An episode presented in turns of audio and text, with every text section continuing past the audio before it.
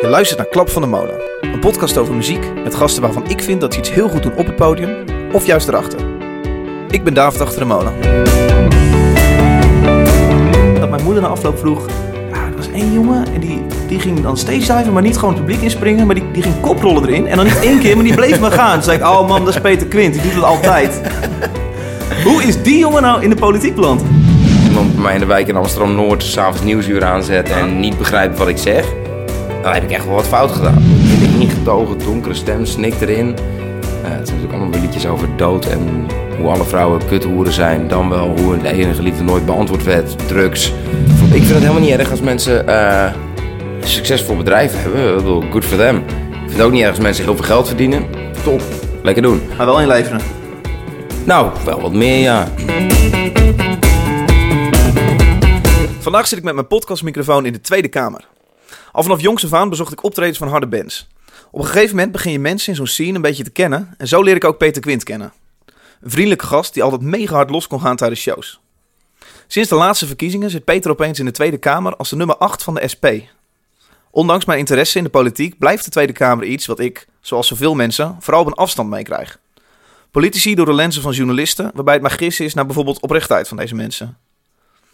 Na ons gesprek nam Peter me mee voor een rondje door de Tweede Kamer. Ik merk dat ik enthousiast begin te raken om zijn werk. Hij is nu gewoon één van de 150 vertegenwoordigers van ons volk. Best een bizarre positie om in te zitten. Na wat pilsjes op het plein voor de Kamer, met de een naar de andere Kamermedewerker die aanschuift, doet de politiek me ook een beetje aan de Nederlandse muziekindustrie denken. Heel veel ons kent ons, een beetje zien en gezien worden en altijd wel wat hongerige journalisten die op de loer liggen. Maar wat vind ik het verdomde vet dat hij bezig is met onderwerpen die er zo toe doen. Dit is mijn gesprek met Peter.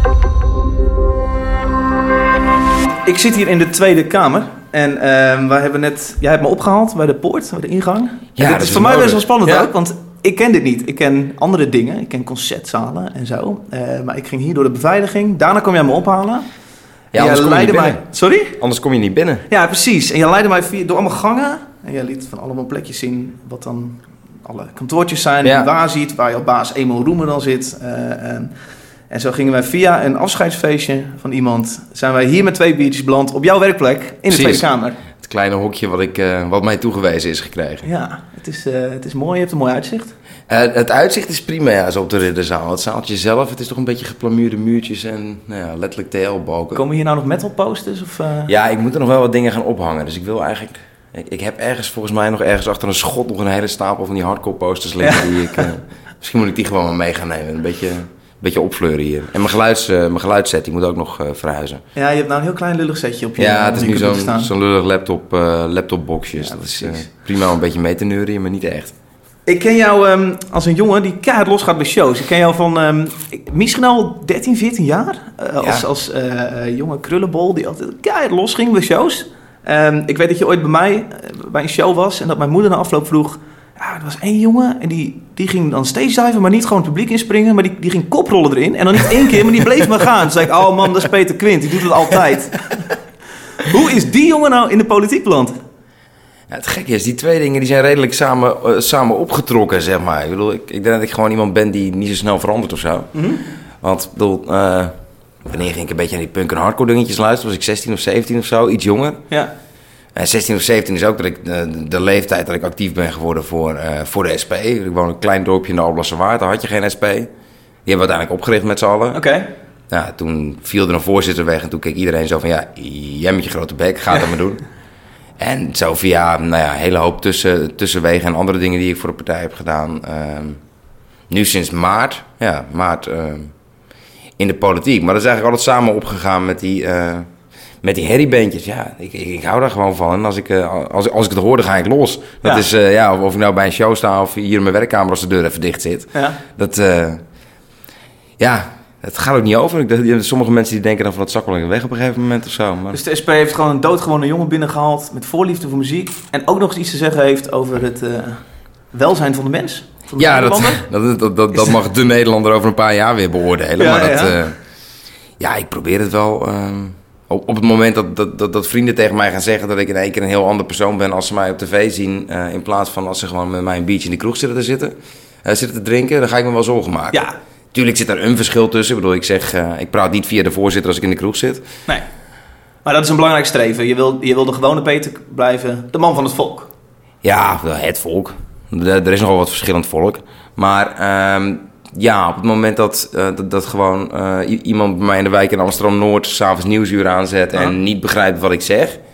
dan heb ik echt wel wat fout gedaan. Ik, Ja. vind ook wel dat, dat, dat, dat ik een taak heb om... eh, om dingen op zo'n manier te vertellen dat het ook bij ze blijft hangen. En dat, dat mensen niet zoiets hebben van... Joh, Dus als volksvertegenwoordiger vooral de taal van het volk ja, spreken. en dat kan ook. Ik bedoel, het is echt het is totale onzin dat sommige dingen te ingewikkeld zijn om in een paar zinnen uit te leggen. Ik bedoel, Ja. En het is ook totale onzin dat je gekke, gek jargon of afkortingen nodig hebt. Je raakt eraan gewend zelf, omdat je de hele dag papieren zit te lezen waar het heel normaal is om die afkorting in te Nou, ik ben gebruiken. benieuwd hoeveel er gaan komen. Dus, eh, Ja, ik kreeg pas al op mijn lazen van, eh, van een van de mensen bij ons, eh, die dan bij de afdeling communicatie werkt. Die zegt van, ja, ik zat je terug te kijken en wat, zit je nou voor afkorting te gebruiken? En dan merk je dat het er gewoon heel snel insluit. ja.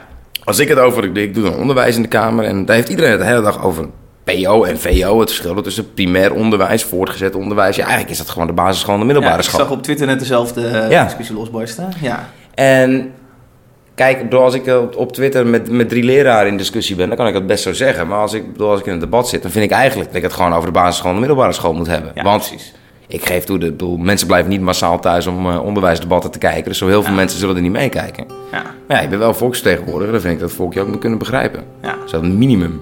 Hey, voordat we daarin duiken, eh, mag dit zomaar? Een podcast eh, opnemen tijdens werktijd? Ja, ik vind het mooi geweest voor vandaag. Dat, eh, Oh, dit, dit, dit valt buiten jouw... eh, je zit, we zitten ook allebei met een biertje in onze Ja. hand. Dus dit, dit is buiten werktijd? Nou, ja, het gekke van Kamerlid zijn is dat er niet echt binnen- en buiten werktijd is, zeg maar. Ik bedoel, het kan zomaar dat er straks in één keer over een half uur... eh, Nou ja, het kabinet doet nu niet zoveel, maar dat er in één keer een plan binnenkomt waar je dan meteen mee aan de slag moet of zo. Of dat je Oké. gebeld wordt voor... Kan altijd. En dan gaat er in de SP-appgroep een eh, berichtje van... jongens, eh, we moeten hier morgenochtend vroeg op reageren. Dus we Ja, allemaal even naar de Tweede Kamer... naar ons plekje Ja. komen hier aan de gang. Ja, bijvoorbeeld. Of vaker, dan is het gewoon iets op je eigen terrein. Ieder, elk Kamerlid die heeft zijn eigen portefeuille, dus zijn eigen onderwerpen waar hij zich mee bezighoudt. Hey, voor de luisteraar, je hebt cultuur, zeg ik dat goed? Cultuur, media, eh, kinderopvang en dan eh, basisschool, middelbare school en mbo. Ja, Ja. ja precies. Eh, ook het kopje, kopje media. Ja. Dus ik ben heel benieuwd zometeen wat jij te zeggen hebt over het gebruik van podcast. Ja. En of je daar überhaupt iets van weet. Ehm, maar voor even de aankondiging. Dit is podcast nummer 44. Ik zit hier met Peter Quint, nummer 8 van de SP. In de Tweede Kamer sinds een, een aantal maandjes nu. Eh, dus dat. Welkom. What do you do when you're no longer cool now? No longer the singer of the band. But your face is alright for the radio. Go fishing and drinking and listen to the show. This is the soundtrack for tequila. With the sun on your face and your pickup truck. Grab your moonshine and whiskey and fire up that grill. You're listening to Windmill. This is a hit from the Windmill. Fuck yeah. Hoe ziet een normale werkdag eruit? Neem ons eens mee in hoe jij Oeh. hier vanochtend binnenkwam. Eh, het verschilt nogal. Ik heb Ehm, geen flauw idee. Nee, je hebt ehm, dinsdag tot en met donderdag zijn hier de vergaderdagen. Dus dan is, eh, nou ja, de kamer is anders ook open. Dinsdag tot en met donderdag? Ja. Oké. Dus ehm, dinsdagochtend kom je meestal binnen. Dan heb ik eerst om tien uur met mijn onderwijsteam overleg van... joh, wat staat er deze week, volgende week? Wat moeten we voorbereiden? Waar moeten we mee aan de slag? Jouw onderwijsteam. Dat is eh, nog één collega van mij, een ander Kamerlid. Oké. Die eh, doet eh, universiteit en hbo's. En ehm, twee beleidsmedewerkers die dus meehelpen debatten voorbereiden. Ook alle stukken lezen. Die eh, beleidsmedewerker doet eigenlijk alles wat een Kamerlid ook doet. Behalve de media-optredens en de debatten. Ja. Ehm, dus achter de schermen bedenk je samen met diegene al je plannen van Dus wat je onderwijsteam is, zijn de mensen binnen het... Ja, binnen de SP. Ja. Binnen de Tweede Kamerfractie van de SP die zich bezighoudt met onderwijs. ja. En dan heb je dinsdag heb je dan vragenuren en stemmingen. En eh, die dag vliegt eigenlijk voorbij. En woensdag en donderdag is heel erg afhankelijk van, eh, van, van wat voor debatten je hebt. Kijk, nu, eh, nu is er nauwelijks een kabinet. Zijn nu best weinig debatten. Dus voor mij als net beginnend Kamerlid wel lekker. Ik kan met Ja. heel veel, weet je, leraren, onderwijsorganisaties, cultuurorganisaties. Ja, voor mijn inwerkfase is het wel lekker, ja. Ja. Gewoon nu heel veel afspreken met mensen en eh, horen wat zij en hun organisaties allemaal te zeggen hebben. En vooral zorgen dat, nou ja, dat ik ze kan bellen als er wat aan de hand is. Dat je een beetje een netwerk ombou- eh, om je heen bouwt van mensen die met je mee kunnen denken. Ja.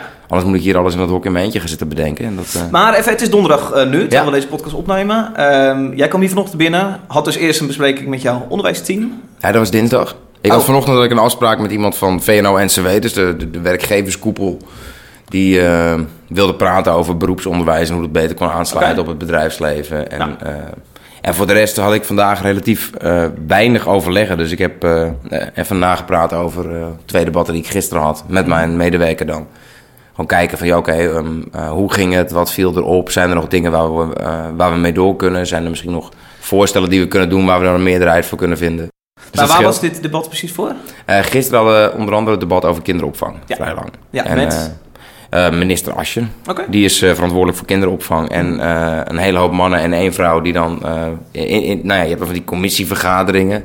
En dan zit dan van elke partij zit één iemand. Ja, Die is woordvoerder op dat terrein. Want Ja. je hebt natuurlijk allemaal al je portefeuilles verdeeld. ja. Alle onderwerpen die worden verdeeld over je Kamerleden.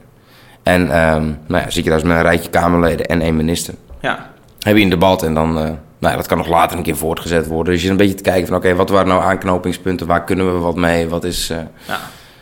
nou, waar, wat is, wat is iets wat wij gezegd hebben waar ze misschien wel nou, een meerderheid voor kunnen vinden? Of wat zijn belachelijke dingen die... Ja, dat was, net, was een beetje een, een, een, een, een voorbereidend algemeen debat. Er stond niet zo gek veel. Nee. Kijk, alle belangrijke dingen nu, daar, daar wordt nu geen besluit over genomen. Omdat we- eh, het huidige kabinet is klaar. Die moeten nog even op de winkel passen tot er een nieuw kabinet zit. Ja, dat duurt ja. heel lang. Dus je zit in een bizarre tussenperiode waarin elke keer als je wat belangrijks, echt fundamenteels wil veranderen, dat ze dan zeggen van ja, het kabinet is demissionair. Dus je moet wachten tot, tot er een nieuw kabinet zit. Ja, Dat, eh, dat is voor het inwerken lekker, maar het wordt op een gegeven moment wel een beetje irritant. ja. Ja, dus laat zo meteen... eh, Ja, ik bedoel, ik zie wel, ik zie wel wat er komt, maar eh, laten we niet van de slag gaan. Ja, precies. Jij hebt vijf liedjes aangedragen Ja. die jij dan vet vindt. Ja, en dan moeten we natuurlijk beginnen met een keiharde track, want dat, dat, is, dat is wat jij bent. En Ja. jij hebt gelukkig niet alleen maar hard, want anders jagen we de... Ik heb expres met het oog op jouw luistercijfers ook nog wat minder. Cool. ehm, zullen we beginnen met een track en daarna Ja, eens cool. kletsen wat, wat het verhaal is? Oké, dit is Terror, eh, Keepers of the Faith.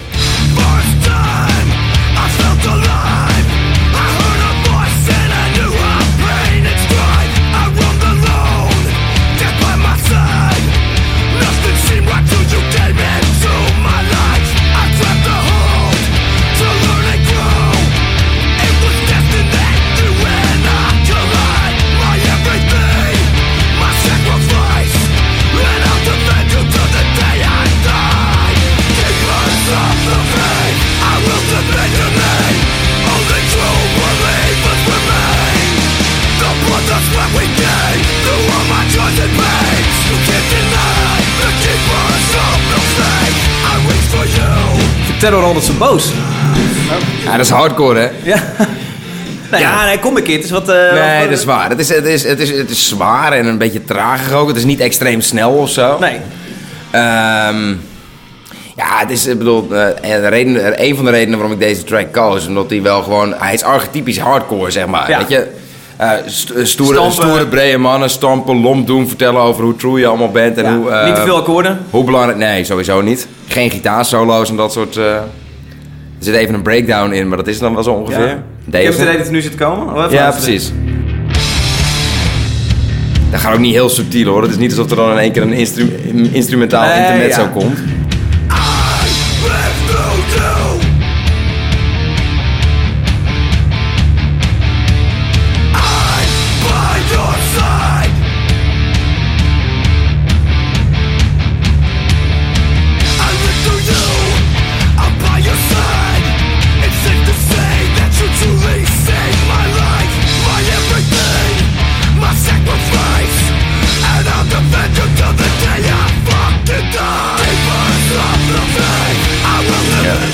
Ik denk, dan denk ik dat die hebben in ieder geval een hele belangrijke... Tenminste, vinden ze zelf een hele belangrijke boodschap.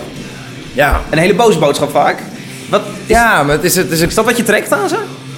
nou, een beetje wel, niet per se boos, maar wel de, zeg maar, de felheid die erin zit of zo. En, en de agressie, het hoeft niet meteen altijd boos te zijn, maar wel gewoon eh, straight to your face, zeg maar. Wat maakt jou boos? Wat wat vind jij de moeite waard om ag- agressie, het is een groot woord, maar om, om fel te brengen?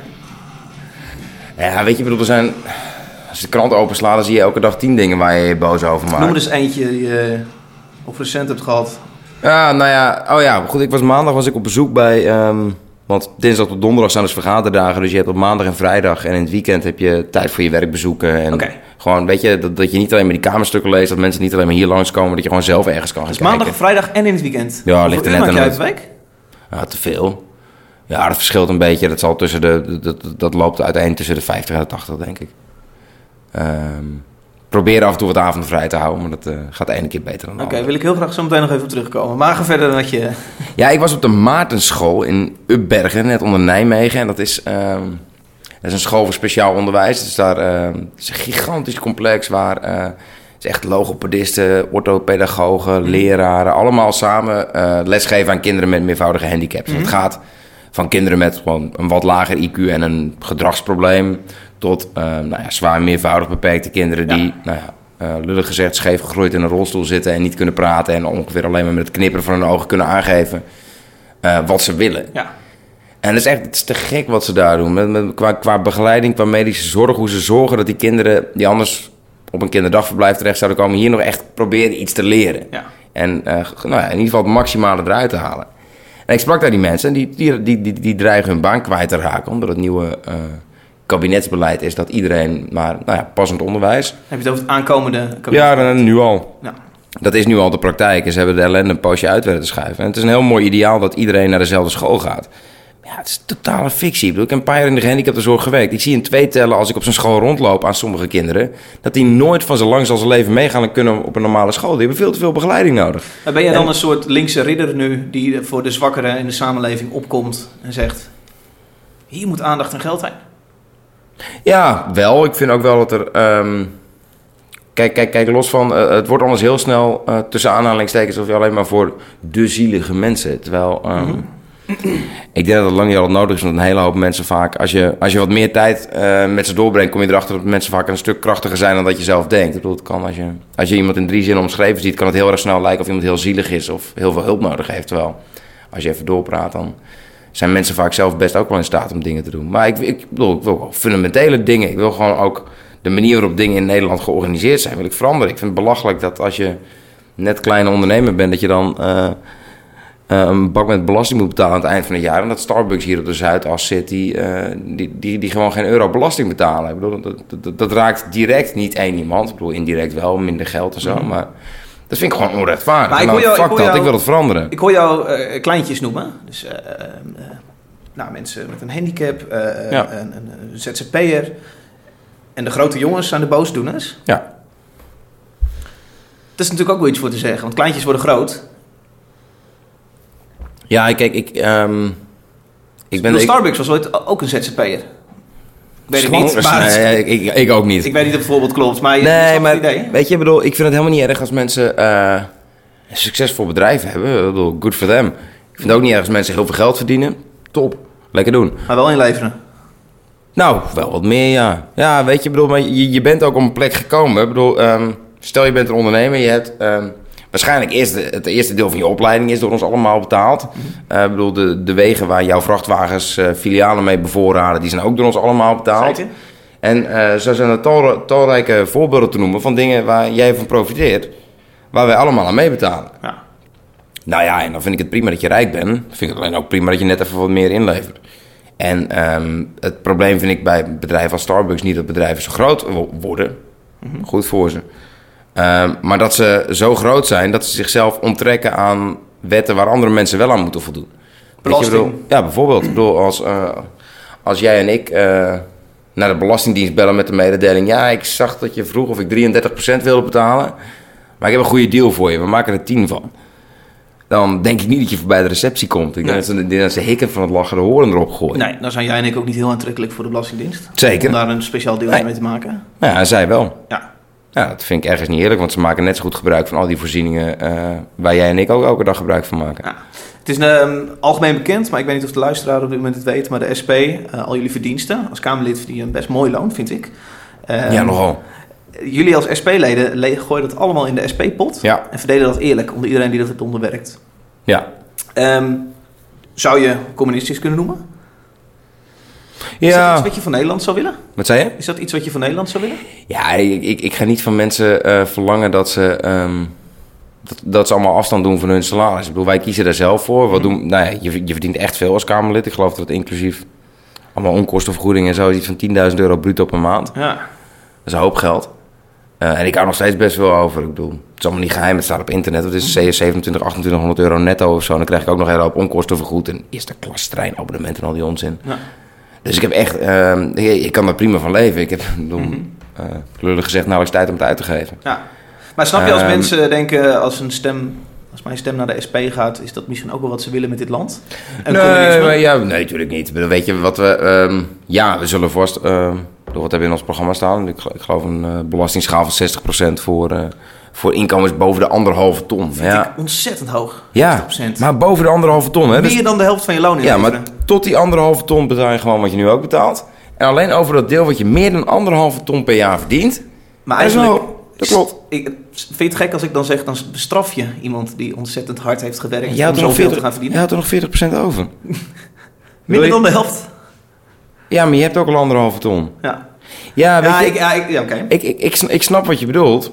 En je bestraft het niet. Je, je, je vraagt. En als je als de overheid iets vraagt, dan kun je moeilijk nee zeggen. Dus in principe eis je het. Ja. Eh, van mensen een bijdrage. Zodat je dus voor, nou ja, voor die kinderen van de Maartenschool bijvoorbeeld een begeleider kan houden. Of zodat je, eh, weet ik veel, eh, mensen niet eh, besluiten niet naar het ziekenhuis te gaan omdat ze het eigen risico niet kunnen betalen. Ja, dat zijn keuzes. En dat bedoel, weet je, ehm, als je kijkt naar bijvoorbeeld, kijk naar Amerika. Ik vind het een te gek land hoor. Ik bedoel, ik kom er ontzettend graag. Mhm. Eh, maar dan heb je een hele lage belasting. Nou, dan breek je je poot en dan ben je 40.000 euro verder. Ja. Ja, ja dat zou niet mijn... het- ik zou het dan liever andersom organiseren. Dat je denkt van, nou, we betalen gewoon met z'n allen wat meer aan het begin. Mhm. En dan nog moet je natuurlijk, bedoel... Daar, daar, daar komt automatisch een keer een einde aan. Maar, ja, bedoel, dan vraag ik liever wat, eh, wat meer van mensen die, het, eh, die wat meer hebben... dan van mensen die wat minder hebben. Bovendien, de afgelopen jaren, tot... Het hoge belastingtarief, dat was er volgens mij eind jaren 80 of zo. Dat, is, bedoel, dat, dat, dat heeft CDA en VVD, die, die, die vonden dat toen allemaal normaal. Mhm.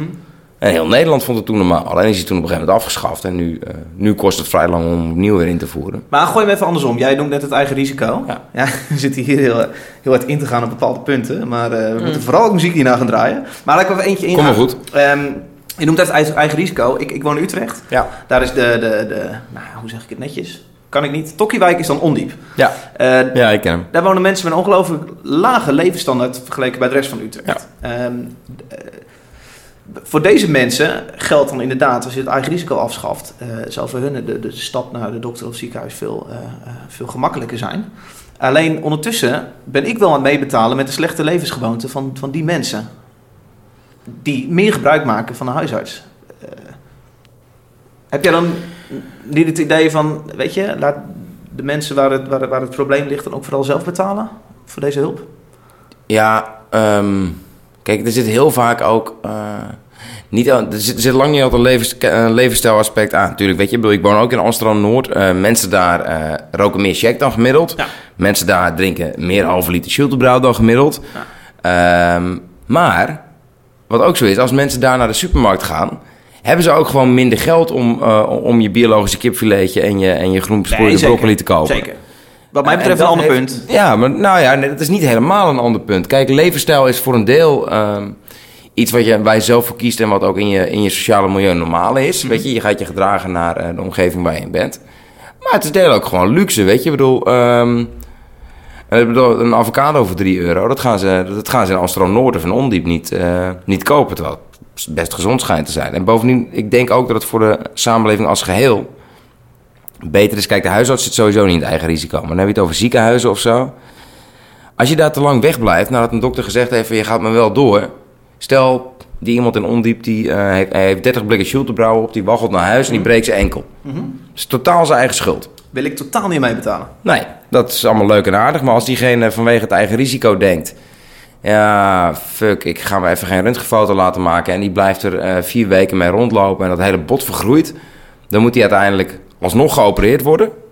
Is een stuk duurder En dan betaalt hij daar 380 euro aan mee. Want dat is zijn eigen risico. En de rest betalen jij en ik nog steeds. Ja, of Kijk, hij mensen gaat niet naar, eh, naar het ziekenhuis en hij begint, eh, loopt de rest van het leven een beetje manker daardoor. Ja, dat zo. Ja, god, weet je, als ik voor alle domme dingen die ik in mijn leven had gedaan... de rest van mijn leven gestraft zou worden... dan had ik hier ook niet gezeten. Ja.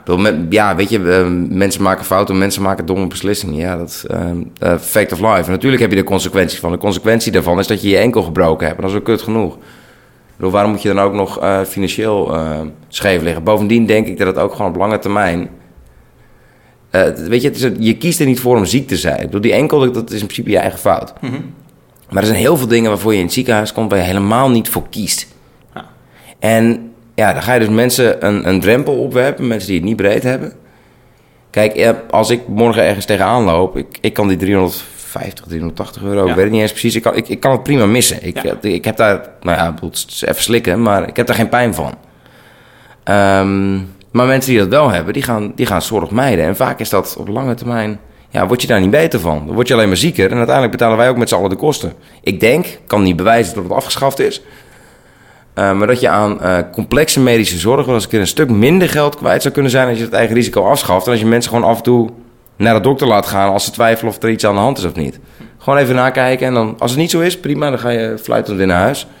Als het wel zo is, dan kan je er vroeg bij zijn. Ja. Maar goed, dat gaan we pas merken op het moment dat het ding weer afgeschaft wordt. Dan uh, kunnen we zien of ik gelijk heb. Uh, William Elliot Whitmore. Ja, ik ken het helemaal niet. Oh ja, ik, je, hebt hem vast van tevoren even geluisterd. Ja. Het, is, het is heel mooi. Het is een gast uit, uh, uit Iowa. Uh -huh. Ook een oude, oude hardcore punk liefhebber. Die zit zeg maar, van zijn keel tot zijn tenen ongeveer zit hij, uh, zit hij vol getatoeëerd. Ja. En die, uh, Moet je jou aanspreken? Ja, zeker. En die is op een gegeven moment uh, ja, wat meer zijn country kant gaan ontdekken. Hele ingetogen, donkere stem, snik erin.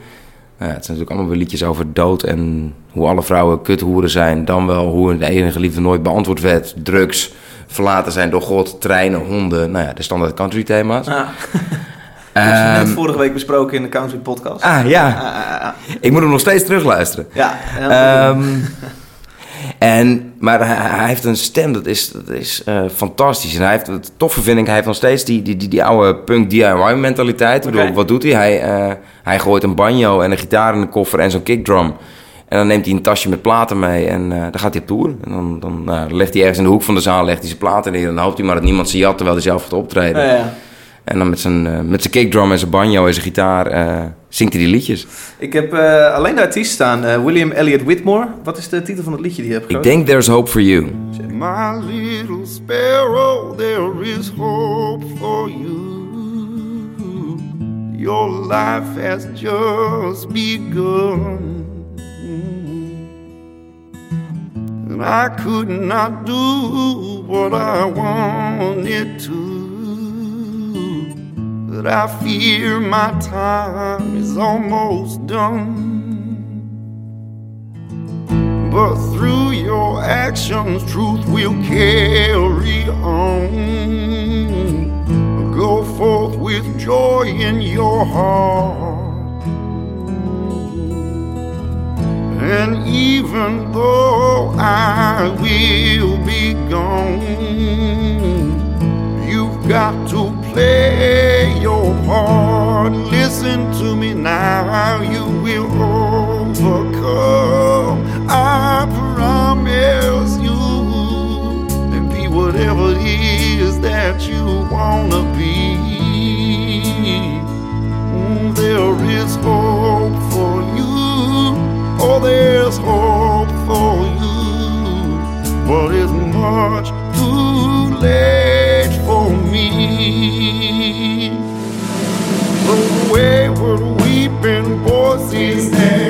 je zit hier, uh, jij zit hier met kippenvel te luisteren. Ja, ja, ik vind het zo'n mooi nummer dit. Dat Hammond orgeltje op de achtergrond ook, dat is... Ja, er komt later nog een, nog, nog een hele uh, solo op het orgel langs. Aha. Ja, dat, ik vind het zo, hij heeft zo'n mooie, vol stemgeluid, zeg maar. Het is heel diep vanuit zijn keel, zo'n soort bijna brollerig. Aha. Maar op een manier die ik echt, echt te gek vind. Hoe ken je hem? Ja, ik, ik, weet niet eens meer hoe ik bij die show terecht kwam. Maar dat was gewoon een bovenzaaltje Paradiso show, zo'n dinsdagavond. Ik 50, 60, 70 man. En uh, nou ja, daar stond hij met zijn kickdrum en zijn gitaar en zijn banjo. En ik was echt meteen verkocht. En ik dacht van, dit, wil ik vaker zien. Een programma van iemand of eigen ja, show? nee, volgens mij zo'n typische Paradiso Na-show. Dat is dan, Oh, ja, dat eh, om half negen begint de hoofdact in, eh, in de grote zaal. En dan vanaf een uurtje of tien of zo Ja. staat er voor de mensen die nog niet naar huis willen... nog een zaaltje vol mensen boven. En dan heb je altijd dat moment dat dan de halve grote zaal leeg komt... en nog bier aan het drinken is en even de show wil nabespreken... terwijl er net iemand gitaar staat te spelen. ja, ja, ja, ja. Dat is het moment waarop hij begint. En, en na, na tien minuten of zo kon je echt... Ja, je, je kon een speld horen vallen. Iedereen die zat echt met, met zijn bek open te luisteren. Zo van, fuck, wat is dit en wat goed is dit. ja. Ik vind ook wel mooi, je merkt ook wel een soort soort pretentieloze insteek. Dat interesseert hem ook geen honderd mensen stonden te praten. Heel zoiets van, ja, weet je. En ja, je krijgt ze wel stil. Is, ja. is dit je solootje die je wilt? ja.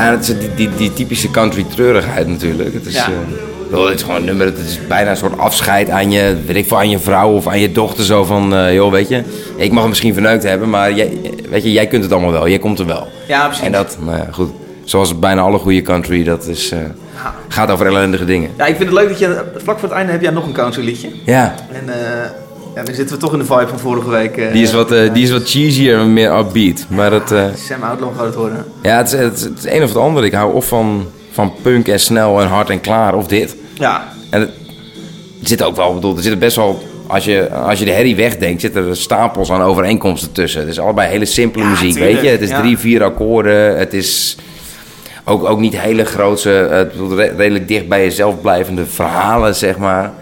Het is, ehm, ja, simpele muziek. ja. Ik bedoel, ehm, iedereen die eh, een beetje een instrument kan bespelen, die kan sowieso in een punkband mee. Maar, Peter eh, Quint, man van het volk. ja.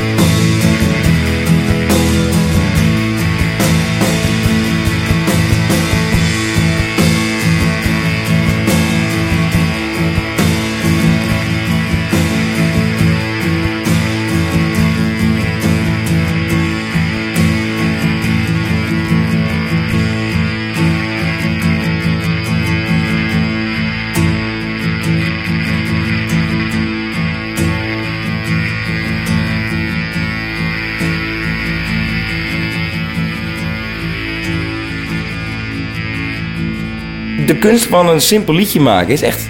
Nou ja, daar hoef ik jou, niet, hoef ik jou niks over uit te leggen. Het is best moeilijk. Ja, En- nee, ja, god, ja, zeker.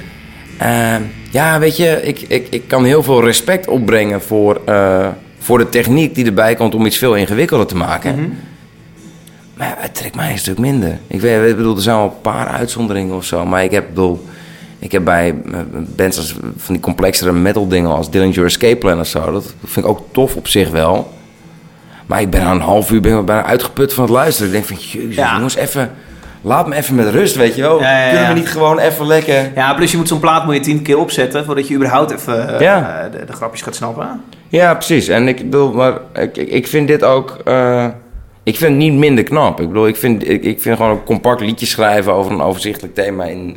Aha. nou ja, in het geval van punk vaak twee minuten en in het geval van country vaak net wat langer. Ja. Het, ho- het hoeft ook niet per se. Ik bedoel, het, het kan. Hoeft natuurlijk niet altijd. Het kan ook gewoon mijn eigen simpele muziekopvatting zijn. Ja. Maar het kan soms ook een beetje dikdoenerij worden. Van, weet je, kijk, kijk mij eens wat voor ingewikkelde, rare Ja. ritmewisselingen je kan doen. En ik denk van ja, ja, dan ook, ook een simpele track. Natuurlijk je, je volgende track Bad Religion. ja. Ja, die hebben de simpele tracks uitgevonden. Ja, precies. Ja. Simpele zanglijntjes. eh Ja. mee zingbaar. Ja, maar dat is wel, bedoel, je hoort hem één keer, je bent hem nooit meer kwijt. Ik heb er zin in. Zullen we hem eerst even draaien? Ja, ja, ja, altijd. lekker.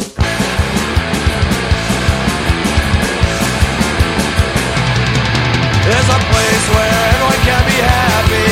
It's the most beautiful place in the whole fucking world.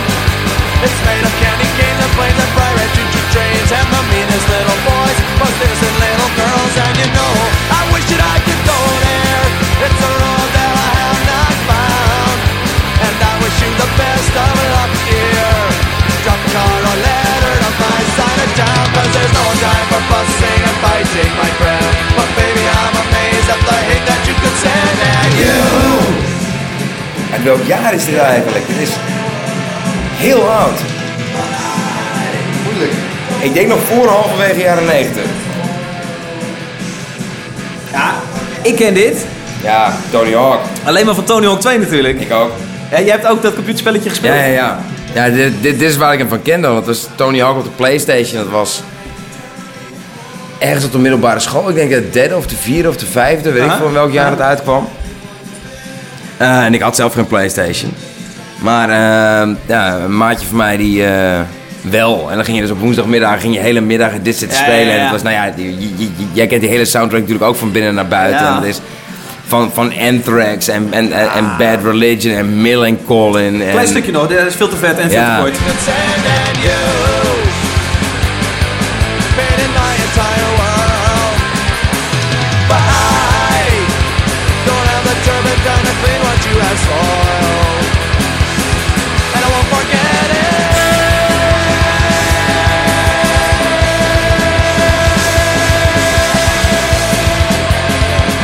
Hij klopt ook. Hij, zeg maar, het gerommel in, in tekst en muziek, het gaat perfect ook in elkaar door. Hij is Ja. qua metrum is hij ook... Het, het, het stopt allemaal precies op het goede moment, weet je wel. Hoe lang eh, bestaat Bad Religion?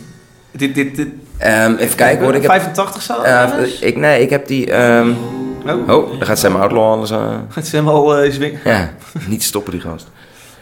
Ik heb volgens mij, eh, de vroegste plaat die ik van hun heb, is zo'n verzameling van de eerste paar EP'tjes of zo. En die, is, die heet volgens mij 84, 85. Oké. En dat zijn platen uit dat jaar, dus ja, eh, net zo lang als ik Eh, besta. 30 jaar?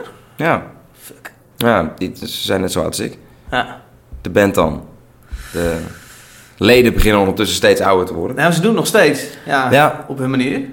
Ja, maar nog steeds wel. Weet je, ik bedoel, ehm, hun nieuwe dingen. Ik, ik, ik vind Bad Religion. eh, je, je hebt van die bands die na een paar jaar denken van we moeten onszelf gaan eh, heruitvinden. En je hebt bands die altijd hetzelfde blijven doen. En zij op een hele gekke manier zitten ze tussenin. Ja. Je, je hoort af en toe wel wat verschuiving of zo, maar het blijft wel altijd eh, typisch Bad Religion. Ja. En eh, ja, het is, het is fantastisch van A tot Z, meezingbaar. En het klopt precies en het rammelt en het, en het schuurt een beetje. Ze En- komen best vaak naar Nederland. Ben je dan elke keer erbij of dat ook weer niet? nou, het is net wanneer ik kan. Ja. Ze, zijn, ze zijn van een punkband ook best duur. Oh ja? Ja, het is 30 euro of zo. Dat is, Ah, dat is- dat is oh, ja, goed. Weet je, ik bedoel, ga, je niet dood aan.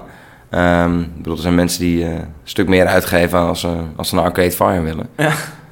Ehm, en vaak in de zomer ook. Ik weet niet waarom. Ik denk omdat ze als punkband toch best wel relatief groot zijn. Dat ze ook wel wat eh, zomerfestivals kunnen meepakken. Weet Aha. je wel, een tent op Lowlands of zo. En dat ze dan daar meteen nog een Europese show aan, eh, aan koppelen. Ja. Maar een paar jaar geleden, anderhalf denk ik je trouwens. Ja, niet zo heel lang geleden. In, eh, in de Melkweg. Ja, het is wel strak hoor. Het is goed. Ja. Ja, dat kunnen ze nog steeds. Hey, ik, ik, twitterde voor deze episode even onderweg. Ik zat in de trein ik twitterde... Ik ben onderweg naar de Tweede Kamer. Ik ga kletsen met Peter Quint. Eh, met de vraag wat ik jou zo al moet vragen. Er kwamen wat reacties op. Ja. Ehm, ja, een hoop reacties waar je misschien nog helemaal niet zoveel mee kan. Want ik, eh, ik, ik moet er even eentje in ieder geval lezen. Tim Cardol zei er even van uitgaande dat er voorlopig nog geen nieuw kabinet komt. Waar moet, eh, waar moet dan het extra geld voor het primair onderwijs vandaan komen? Maar dat is iets waar je natuurlijk nu helemaal niks mee kan, omdat er geen coalitie is. Nou ja, kijk. grote vraagstukken gaan niet behandeld worden. Of, of Nou ja, het, kan wel. Weet je, er is. ehm, weet je, het kabinet is demissionair. Ehm, wij niet. Wij als Kamerleden. Wij zijn Dus gekozen. meerderheid is nog steeds Wij zijn aan het werk. Ehm, en in principe zouden wij het zelf kunnen voorstellen. Maar de realiteit is dat ehm, partijen die aan het onderhandelen zijn. vaak op dat moment niet al te veel eh, grote stappen willen nemen. Nee, omdat dus ze dat via de onderhandelingen proberen te regelen. We hadden een eerder debat met leraren. toen zat GroenLinks nog aan de onderhandelingstafel. En, eh, ja, het is voor hen dan een stuk lastiger om voorstellen van mij te steunen voor meer geld voor onderwijs. als zij eh, zelf in die onderhandelingstafel zitten. Terwijl Ja. ze dat best wel willen. Hey. Ehm, maar ja, weet je, ik bedoel, waar moet geld vandaan komen? Eh, ik, vind altijd een iets te makkelijke vraag. Er is namelijk best veel geld in Nederland. Ik denk dat jij het op rechts gaat wegsnoepen. Ja, maar je kan ook wel, weet je, ehm, in onderwijs gaat er ook heel veel geld gewoon in een soort grote zak naar het onderwijs waarvan niemand precies weet wat er gebeurt. Je zou kunnen beginnen om gewoon te zeggen, ook nee, dit percentage moet je aan leraren salaris uitgeven. Ja, dan, dan kan je eindelijk die mensen wat meer geld geven. En dat is, Ja. nou ja, verdomd hard nodig. En ja, goed, voor, voor de rest, ehm, we houden dit jaar 3 miljard over volgens mij. Mhm. Ehm, Nou, Ze hebben een feestje te vieren met daar, heb je, allen. daar, heb je een stuk minder dan de helft voor nodig om iets aan die inkomenspositie van leraren te doen. Als je wil, dan kan het. As we speak is er een eh, eventuele coalitiekans op VVD, CDA, D66 en ChristenUnie. Ehm, nou zag ik, eh, zag ik even te, te zoeken. Een SP ziet een coalitie met VVD eh, niet zitten. Dat vind ik niet zo heel gek. Nee. Maar D66 en ChristenUnie, is dat ook niet gedoemd te mislukken? Voor ons? Nee, voor hun, voor die, voor die coalitie. Nou ja, ehm, Want wat jullie, jij en VVD, jullie en VVD zijn qua links en rechts. Is, Ja, het is eh, ChristenUnie Ja. en eh, eh, D66 op eh, conservatief en progressief. ja, dat is waar. Maar ik denk dat... kijk, ik weet het niet. Ik bedoel, ze, ze doen weinig moeite om te verhullen dat ze er allebei niet extreem veel zin in Nee. hebben. Eh, toch denk ik dat... ehm, kijk, die, die, die medisch-ethische dingen bijvoorbeeld, die zijn ongelooflijk ingewikkeld. Waarom? Je kan ook heel moeilijk een compromis afspreken. Je kan niet zeggen van ja, ehm, als iemand geen zin meer in het leven de heeft, dan, donorwet. Of dan, de inderdaad ja, dan, euthanasie. dan krijgt hij voor de helft euthanasie. Ja, Dat is heel ingewikkeld. ja. En dat gaat het heel lastig maken. Maar aan de andere kant, weet je, een coalitie betekent ook vier jaar met elkaar samenwerken. En ook allerlei dingen onderweg tegenkomen waar je dan ook met z'n vier een oplossing voor bedenkt. En ik denk dat zij qua sociaal-economische dingen een stuk dichter bij elkaar zitten. En dat ze het in die zin eens zouden moeten kunnen worden. Maar of ik daar blij mee ben is een tweede. Maar eh, ja, het alternatief is tegenwoordig. Er blijft weinig meer over, denk ik. Dus je hebt of dit. Nou, Ja. PvdA en wij gaan het niet doen. Dan hou je eh, GroenLinks ook niet. Nee. Dan hou je dus of dit of een minderheidskabinet of nieuwe verkiezingen. Ja. Ja. En dan, eh, ik wacht wel af. Wat houdt het minderheidskabinet eh, in? Ik, ik weet het nooit precies. Nee, nou ja, goed. ehm, Het is het feit dat, dat wetten er gewoon minder snel doorkomen. Omdat we moeten ja, nou ja, een, een kabinet heeft, ehm, bestaat uit ministers van bepaalde partijen. En die partijen hebben aantallen zetels in de Tweede Kamer. Ja. En op het moment dat je ehm, nou ja, eh, dus dusdanig weinig partijen in een kabinet hebben... dat ze minder dan 75 zetels in de Tweede Kamer hebben... dan heb je een Dat minderheidskabinet. vier jaar geen fuck gebeuren eigenlijk. Maar waarom niet? Ik bedoel, waarom zouden... Ik bedoel, ik ehm, ga er gemakshalve maar vanuit dat ik in de oppositie terechtkom. Aha. Als zij dan met een goed voorstel komen... dan ga ik dat toch niet tegenhouden gewoon om, om, om hun pootje te haken. Nee, precies. Eh, ze zullen alleen dan eh, vaker met de oppositie moeten samenwerken. Ik zou dat vanuit democratisch perspectief gezien best interessant vinden. Ja. Dat je ook, ook, ook bedoel, eh, een oppositiezetel is net zoveel stemmen als een coalitiezetel. En op die manier zou je wel. Ja, Die ook iets meer- misschien. Ja. Ja. En dan kan je ook, ik bedoel, daar hoef je ook volgens mij niet slechter van te worden. Ik bedoel, laat maar, eh, breng maar een wet hier naar de Tweede Kamer en dan zie je het wel. Of links het ermee eens of de rechts het Oké. ermee eens is. Dus jij juicht als ze zometeen... eh Nou ja, het is voor mijn eigen werk in ieder geval een stuk leuker. Ja, Ja, ik ben heel benieuwd. eh, Deze podcast komt volgende week woensdag uit. Wij- ja dan zijn ze er toch nog niet uit. Oh, nee? Nee, dat gaat nog wel een pasje duren. Oké, nou... ik- Ze zullen misschien wel gaan praten, maar voordat je het, het- al die details, dat duurt maanden. Mocht dat wel het geval zijn, dan hoor je nu een voice-over die gaat uitleggen hoe het zit. Nee, helaas. Alright.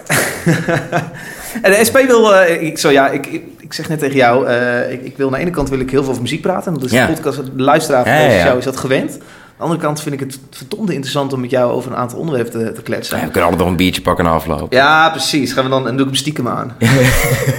Gaan we met dubbele tong en dan... Ja, precies. Peter kunt uit zo'n klote zooi. Ja, Ja. kijk of Emiel nog wat laat vallen. En dan... maar eh, het punt wat ik heel graag even wil aantikken. Volgens mij hebben we laatst voor de Melkweg hier ook al eh, heel... Echt 10 seconden over gerept. SP wil de bezuinigingen binnen de cultuur eh tegengaan. Vind ik heel logisch dat jullie dat willen. Waarom? Ehm, omdat ik denk Toch dat... een uitleg te vragen. Ja, nee, ik, ik, ik vind dat cultuur in de hele Nederlandse samenleving een best wel onderschatte positie ehm, inneemt. Ik denk dat je als samenleving gezamenlijk een hele hoop te winnen hebt van eh, als je al vanaf jonge leeftijd kinderen eh, leert om, om, om eh, hun eigen creativiteit een plek te geven. Voor sommige mensen zal het via woorden zijn, die zullen, nou God verhoede, maar wie weet gaan ze wel de politiek in. Andere mensen zullen een instrument pakken, andere mensen die zullen gaan schrijven of, of gaan schilderen. Ehm, maar ik denk dat ehm, cultuur eh, een samenleving een soort van, van kritische spiegel voor kan houden. En dan maakt het niet uit of die samenleving naar links of rechts is, maar je kan cultuur als tegenbeweging kan voortdurend mensen eh, Scherp houden. aan, ja, en aan, aan het denken, eh, aan het denken zetten.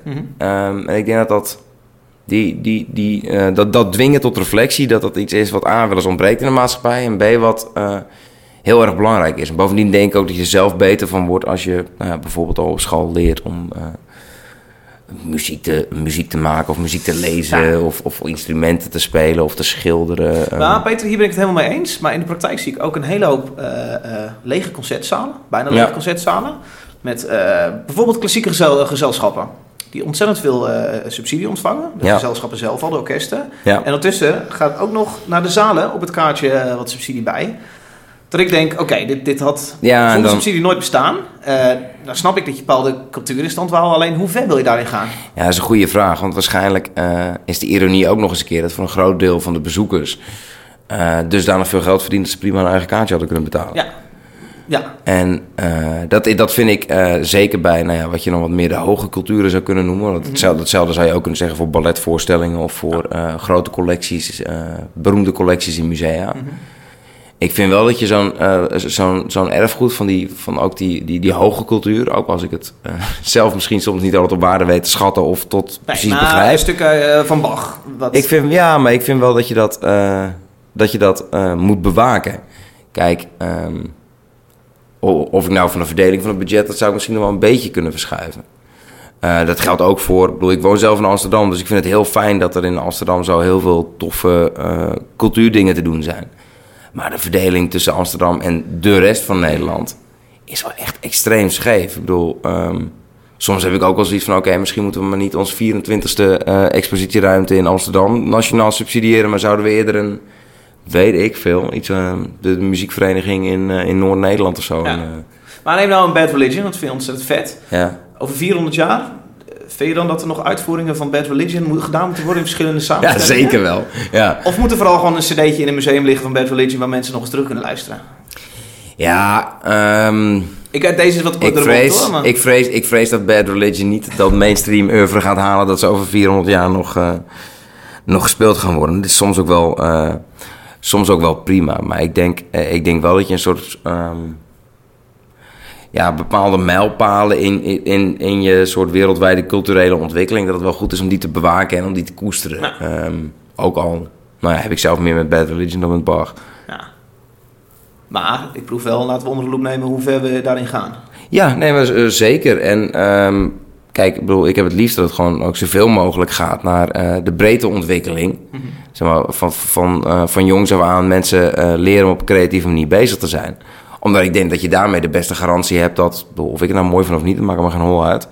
Maar dat je mensen opleidt om zelf ook creatief aan de slag te gaan. Ja. En dat, ja, dat lijkt me voor, eh, voor het land een uitkomst. ja. En het experiment misschien Ja, maar ik vind dat, dat moet je ook... aanmoedigen. Ja, ruimte geven en, en ook accepteren dat dingen soms mislukken. Ja. Want het is natuurlijk vaak politiek, weet je wel, is van ja, ze kregen zoveel subsidie en toen kwamen er maar tien man. En deze ook, deze ook kloten als, je, als er voor een bepaald project een paar ton is uitgetrokken, ik noem maar eens iets. Of nou ja, er staat hij nu, wat is het, een paar ton subsidie krijgen voor... eh, Stel, Eh, miljoen. ja. Nou, stel, er komt echt geen hond op die shows af.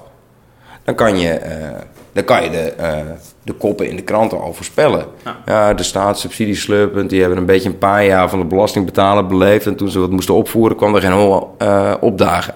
Nou, in het geval van de staat vind ik dat niet zo heel waarschijnlijk dat dat gaat gebeuren.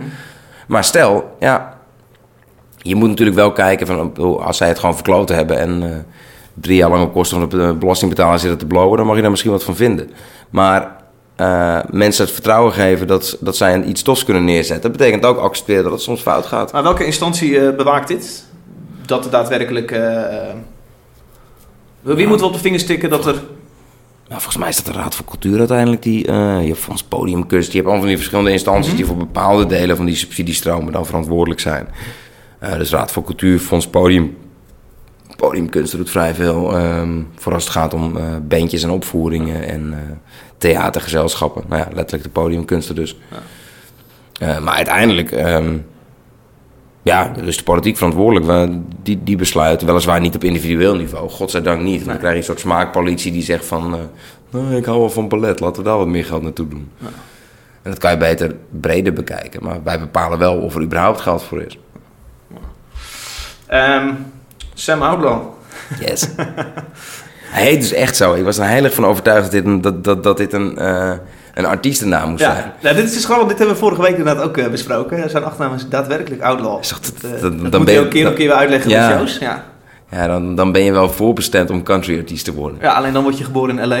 maar goed. Ja, maar uiteindelijk als je outlaw heet, dan word je gewoon country artiest. Dan, eh, Ja. ja, en de titel is geweldig. Jesus, Ja. take the wheel and drive me to a bar. Zullen we zullen we hem gewoon even doen? ja, lekker. I'm lower than I've ever been before. No one I can turn to anymore. I have even lost faith in myself. I have failed me too many times. But I've heard there's one person I can trust with my whole life.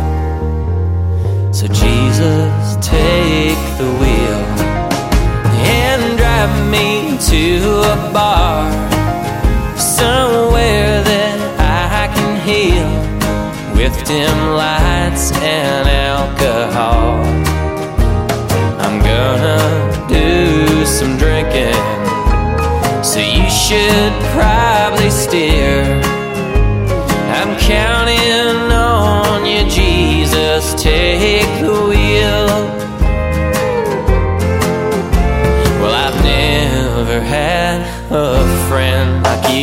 Fantastisch. Het is, het is alle, zeg maar, van, van de snik, snikjes in de woordjes, de slide guitar. Het is elk country cliché op een hoop geveegd. Ja. En dan ook niet per se de alternatieve country, maar gewoon echt die hele cheesy Nashville mainstream country. Aha. En ik, het klinkt zo vet. Ja. En het is natuurlijk, ik bedoel, het, nummer Jesus Take the Wheel, zo'n oude country klassieker die dan, nou ja, eh, vooral die eh, lieve gelovige mensen in Nashville er nog één keer toegevoegd wordt, maar en Take Me to a Bar. Ja. Vind ik dan ook wel weer geinig hoe hij dat, eh, hoe die dat doet. Ja. Ja, het is een fantastisch nummer dit. Echt, alles klopt hier aan. Ja.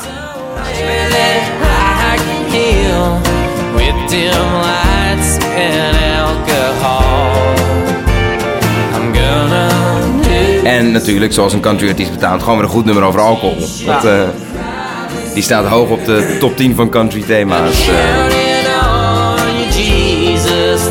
Maar dit is ongeveer wel de grens van hoe veel cleaner dan dit moet mijn country niet worden, zeg maar. Dan, dan eh, Oké. dat is twee jaar geleden of zo was ik in Nashville. Dan wil je natuurlijk ook naar de Grand Ole Opry, want je bent in de Grand Ole Opry. Dat is heel tof, want die hebben nog steeds elke avond een opvoering. eh. en het is nog steeds het oude radioprogramma wat het was. Dus je hebt om twee uur en in die twee uur komen vijf artiesten of zo langs die drie liedjes spelen. Zoiets. En tussendoor wordt het gewoon nog aan elkaar gepraat. En dat, eh, ja, en de- de- je merkt daar wel, dat is dan echt van die hele, hele clean redneck. eh, nou ja, Car- hoe heet ze, Carrie? Carrie Underwood. Ja, ik denk het wel. Eh Blake Ja. Shelton. Ja, er zijn er zo, ja. Ja, ja precies. En eh, hoe, hoe heette die gasten? Een, bandje wat ik er toen zag. God, hoe heet ze? Jules speelde ook. Die ik alleen maar van het tienerhitje kende van Ja, eh, Foolish eh, Games. Foolish Games, ja. Maar die, die, die is daarna country gaan maken. En dat was, dat was eigenlijk, ik vond dat echt een te gek optreden. Dat was heel mooi wat zij, eh, Ja. wat zij deed. Rascal, Fla Scrag, Rascal Flats, ik weet niet. Ik weet niet. Zoiets, maar echt zo'n zo'n eh, gebleekte tanden, eh, Ja, ja, ja. perfect is gewoon zo'n eh, romp stomping country. Ja, dat zijn En- de Gerard Jolings en Gordons van uh, Amerika dat is het. Ja. Nee, maar dat, bedoel, het is ook gewoon echt volksmuziek. Ja. Drie, vier weken in het zuiden doorgereden. Dat is, het is... Het is ook bijna een soort tegenreactie. Dat als je dan in, ehm, in de buurt van een universiteit of zo komt... dan hoor je het ook helemaal niet meer. Alsof, alsof iedereen die dan zeg maar, zich probeert te ontrekken aan het milieu... ook gewoon meteen de muziek erbij wegflikkert. Ja. Zo van, alsjeblieft herinner me hier niet aan. Maar ja, ik, ik hou er echt van. Ja. Want het is ooit begonnen bij Cash. En eh, ja, sindsdien... Gaan Ja, tot, tot aan Sam Outlaw, zeg maar. Ja, lekker zeg. Ehm luister jij podcast? Weinig. Oké. Ik, als ik onderweg ben, luister ik Spotify meestal. Of eh, ik, probeer, ik, ik heb er een, een, een paar van. eh, nou ja, in ieder geval jouw Spotify-lijst er altijd tussen staan. En eh, ik probeerde die, die NPR-dingen af en toe Ah, bij ja. te houden. Ja, die jezelf doen- een beetje op de hoogte houden. Die doen hele toffe dingen. Ja. Maar ik merk vaak als ik in, bijvoorbeeld een trein is zo'n ultiem moment om een podcast te luisteren, dat ik dan toch snel even mijn mail erbij pak en dan gewoon een muziekje op de achtergrond heb Ja, in plaats van precies. Nou ja, mijn aandacht helemaal uiteen trekken. Ik zit denken, die NTR, welke, eh, heb jij een, eh, een, een podcast aanrader? Vaak zitten podcastluisteraars wel te wachten op een eh, leuke aanrader. Poeh, even denken hoor. Tiny Desk Concerts? Ja, die Tiny Desk Concerts is te gek. Ja. Ja, die, daar heb ik onder andere ook... Er staat ook een hele show van Dave Rawlings en Gillian Welch op... die echt, die, die echt fantastisch Aha. is. En zij hebben sowieso wat, wat, wat daar langskomt... Zijn wel echt, er zitten hele mooie dingen tussen. En welke ik wil luisteren is All Songs Considered. Ze behandelen dan eh Ja, dat- vier, vijf artiesten per week. Ja, Eh is ook een toffe. Ja. Moet je een beetje zin in hebben, het is heel Amerikaans. ja maar ik, ik, ik vind het wel mooi gewoon dat je, dat je zoiets hebt... waarbij je gewoon totaal on- on-demand kan besluiten van... oké, Ja. go- gooi er maar doorheen en even kijken wat, er, eh, wat het deze keer brengt, zeg maar. ja. Steven Francis NL zegt, dat is een podcastluisteraar, Ah. reageert op deze podcast en zegt... Luister al jaren podcastjes, maar kon de Nederlandse varianten op een of andere manier nooit echt aanhoren. David is niet judgmental, wel eerlijk en gewoon fijn om naar te luisteren. Goede muziek, leuke interviews en verslaafd as fuck. Dankjewel, Steven Francis NL. ding. Dit is, eh, ja, dit moet je af en toe voorlezen. Ja, nee, ja, ik eh, bedoel, volgens mij eh, het is beter dan dat je... eh, ja, die klootzak zit nou weer zijn podcast vol te lullen, ik wil het niet aanhoren. Ja, ja. Kan je beter dit horen. Dit is dan weer een reden om volgende week weer eentje te gaan doen. Precies. Hey, ehm, wij gaan richting het einde van dit- deze podcast. Ehm, ik heb een zomerstop over een aantal weken. Dan ga ik even, dat, dat lijkt ook gewoon professioneel. Dan heb je een seizoen 2 die je dan het najaar start. En voor, opnemen. voor seizoen 2 zit ik te zoeken naar, eh, specifieke, eh, naar, naar gasten. Mhm. Heb jij nog specifieke gasten waarvan jij zegt... Nee, maar ik vind het leuk. Ik wil het stokje overdragen aan. Eh, ehm, even denken hoor. Ik zou gewoon altijd Nathan Rotjes uitnodigen. Omdat ik gewoon ook wel benieuwd ben wat voor muziek te luisteren. Omdat ik gewoon een fascinerend figuur vind. Ik ben gewoon fan van Nathan Rush. Ja, hij heeft een goede mat. Plus, ik heb soms ook zoiets... Is hij fan van muziek? Ja, dat weet ik dus helemaal niet. Dus ik ben heel benieuwd of dat überhaupt zou werken. En ik heb ook zoiets, maar misschien heb je dan tijd voor. Ik vind het... Ik kan het niet altijd zo blij zijn. Ik, ik bedoel, ik moet echt af en toe naar Teringherrie luisteren... of gaan kickboksen om af en toe even stoom af te blazen. Hij zou ook niet eh, misplaatst staan in Jezus Leeft. In de politieke partij Jezus Leeft. Ja, dat vraag ik me dus af. Ik bedoel, wanneer is die man boos? Wat, Ja. wat doet hij dan? Ja, nee. Is hij dat wel eens of is hij gewoon... Ja, ik weet het niet. Ik heb geen flauw idee. Rutjes is Ja, jouw, ik zou eh, ja, altijd, altijd overal... nominatie? Ja, daar kom ik ook langs trouwens. Hey, voor we de laatste in eh, knallen. Ja, Modern Life is Boring. Eigenlijk stond hij Ja. bovenaan jouw lijstje. En ik weet niet zo goed waarom hij nou onderaan is beland. Want jij... Prima afsluiten dit. Ja, precies. Waarschijnlijk om, om, waarschijnlijk om niet al te veel luisteraars kwijt te raken. Ja. Eh, laatste vraag voordat we die eh, track aanknallen. Eh, als het ooit zover komt en SP komt de regering in, Mhm. onder jouw leiding, wat is dan de, de eerste wet die absoluut doorgevoerd gaat worden? Ehm, ik denk, Liefst in sexy quote vorm, zodat ik daarna Life is op Ja. staat. ehm, eh, iets met meer geld voor kinderen in armoede. Amsterdam gezien, dat is echt kut als je als kind opgroeit en je bij wijze van spreken thuis gehouden wordt als je jarig bent op school, omdat je ouders niet kunnen trakteren. Aha, aha. Dus dat zou echt, ik heb geen idee in wat voor wetje dat moet gooien, Ja, maar iets eens daaraan doen. zin. Maak er dus even een, eh, Ja, een artikel. eh, nou ja, zorg er gewoon voor dat, dat kinderen in armoede wat meer steun krijgen. Het is gewoon kut om zo op te groeien.